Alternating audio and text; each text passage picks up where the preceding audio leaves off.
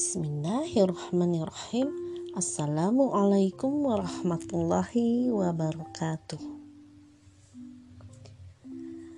Alhamdulillahilladzi arsala rasulahu bil huda wa dinil haqq liyudhiruhu ala dini kullihi wa kafa billahi syahida. Ashhadu an la ilaha illallah wahdahu la syarikalah wa ashadu anna muhammadan abduhu wa rasuluh la nabiya ba'da.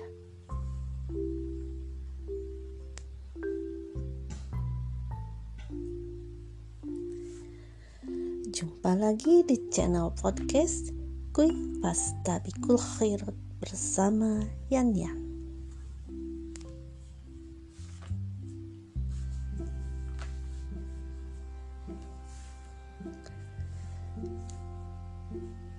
mempersiapkan detik-detik kematian.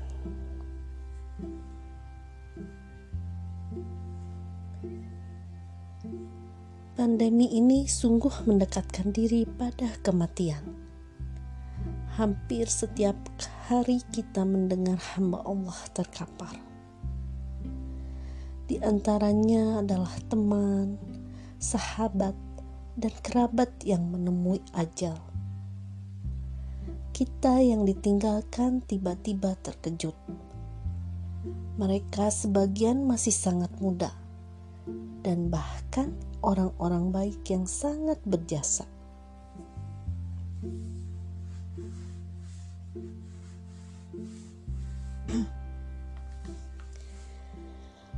Ulama-ulama panutan umat pun banyak yang telah mendahului menghadapnya para pejuang Islam tak sedikit yang telah dipanggil pulang. Menjadi renungan untuk kita. Apa yang sudah kita persembahkan dalam hidup ini sebagai bekal saat detik-detik kematian menjemput. Dalam konteks keluarga, apa yang harus kita lakukan untuk menyiapkan saat-saat jika perpisahan itu datang.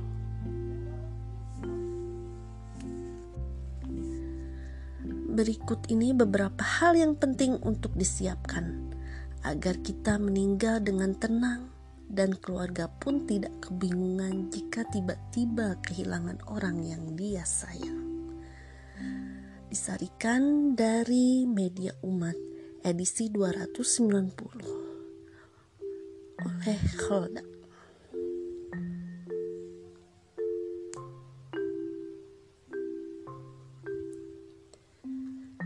Yang pertama, siapkan buku wasiat.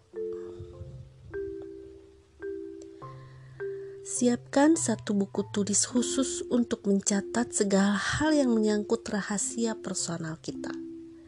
Misalnya, catatan berupa inventaris harta pribadi kita di dunia nyata, agar kelak ahli waris tidak kebingungan membaginya sesuai syariat. Tentu selama hidup kita memiliki harta pribadi yang kelak harus diwariskan. Supaya tidak bercampur dengan harta suami atau harta bersama selama pernikahan.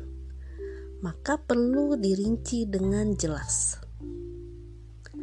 Hal ini menyangkut hak ahli waris. Demikian pula inventarisir kekayaan kita di dunia maya.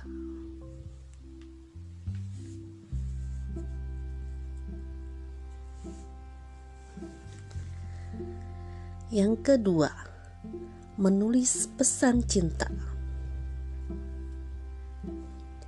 Di lembar-lembar berikutnya di dalam buku poin pertama, tuliskan pesan-pesan cinta kepada orang-orang yang kita sayangi.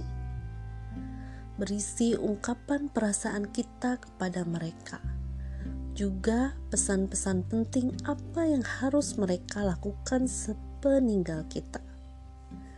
Misalnya, terhadap pasangan, kita curahkan perasaan kita selama ini, permohonan maaf, meminta keridoan atas interaksi selama hidup bersama, ucapan cinta dan terima kasih sebagai salam perpisahan yang indah yang akan selalu dikenang.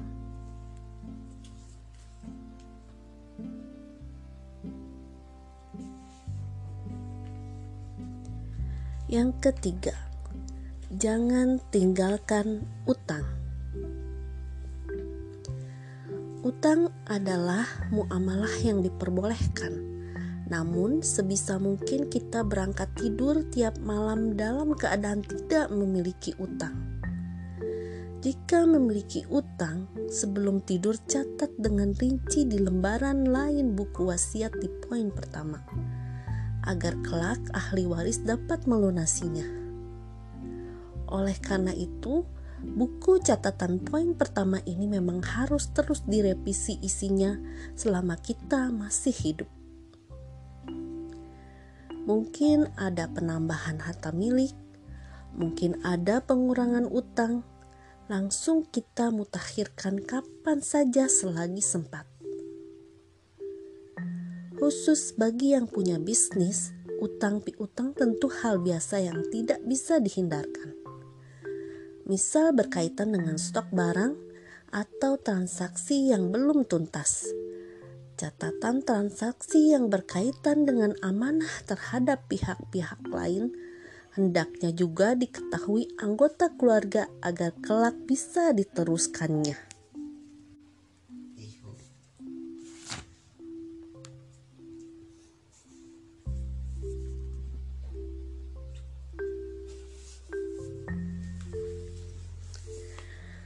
Yang keempat, meminta maaf dan keridoan. Sangat baik bila mampu membiasakan diri selalu meminta maaf kepada anggota keluarga dan meminta keriduannya. Khususnya istri kepada suami dan sebaliknya. Sehabis sholat isya atau sebelum tidur, ucapkan maaf atas satu hari yang baru saja dilalui. Dan tanyakan apakah hari itu ia ridho apabila tidak bisa harian, bisa kapan saja seingatnya. Sebab yang demikian itu perlu pembiasaan. Minimal harus dilakukan saat-saat genting. Misal ketika perpisahan sementara yakni ketika suami berangkat kerja keluar kota, saat sakit berat, atau sehabis bertengkar bisa dengan ungkapan lisan, bisa dengan chat. Intinya, jangan sampai tiba-tiba mengalami perpisahan dengan pasangan dalam keadaan sedang bertengkar.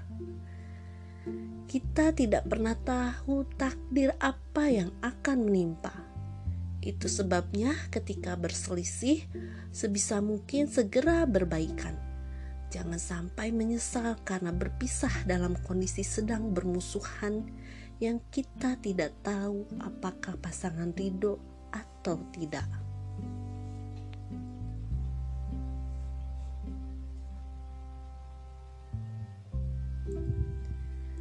Yang kelima, zikir dan istighfar.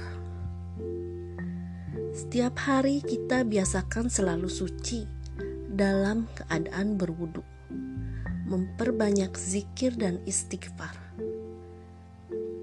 Memang aktivitas harian kita yang sibuk terkadang tidak ingat untuk melakukan itu. Beruntungnya sebagai muslim, Allah memerintahkan sholat lima kali dalam sehari, sehingga kita otomatis berdoa dan memohon ampun di sana. Sholat yang khusyuk dan diterima Allah Subhanahu wa Ta'ala insya Allah dapat menggugurkan dosa-dosa kecil yang kita buat di antara waktu sholat yang satu ke waktu sholat yang berikutnya. Namun, itu saja tidak cukup. Mari kita menutup hari-hari dengan senantiasa istighfar, memohon ampun kepada Allah Subhanahu wa Ta'ala.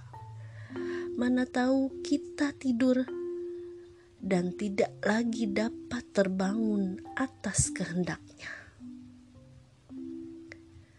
Semoga hal ini menjadi pengingat kita semua karena sebaik-baik nasihat adalah mengingat kematian. Wallahu a'lam bishawab.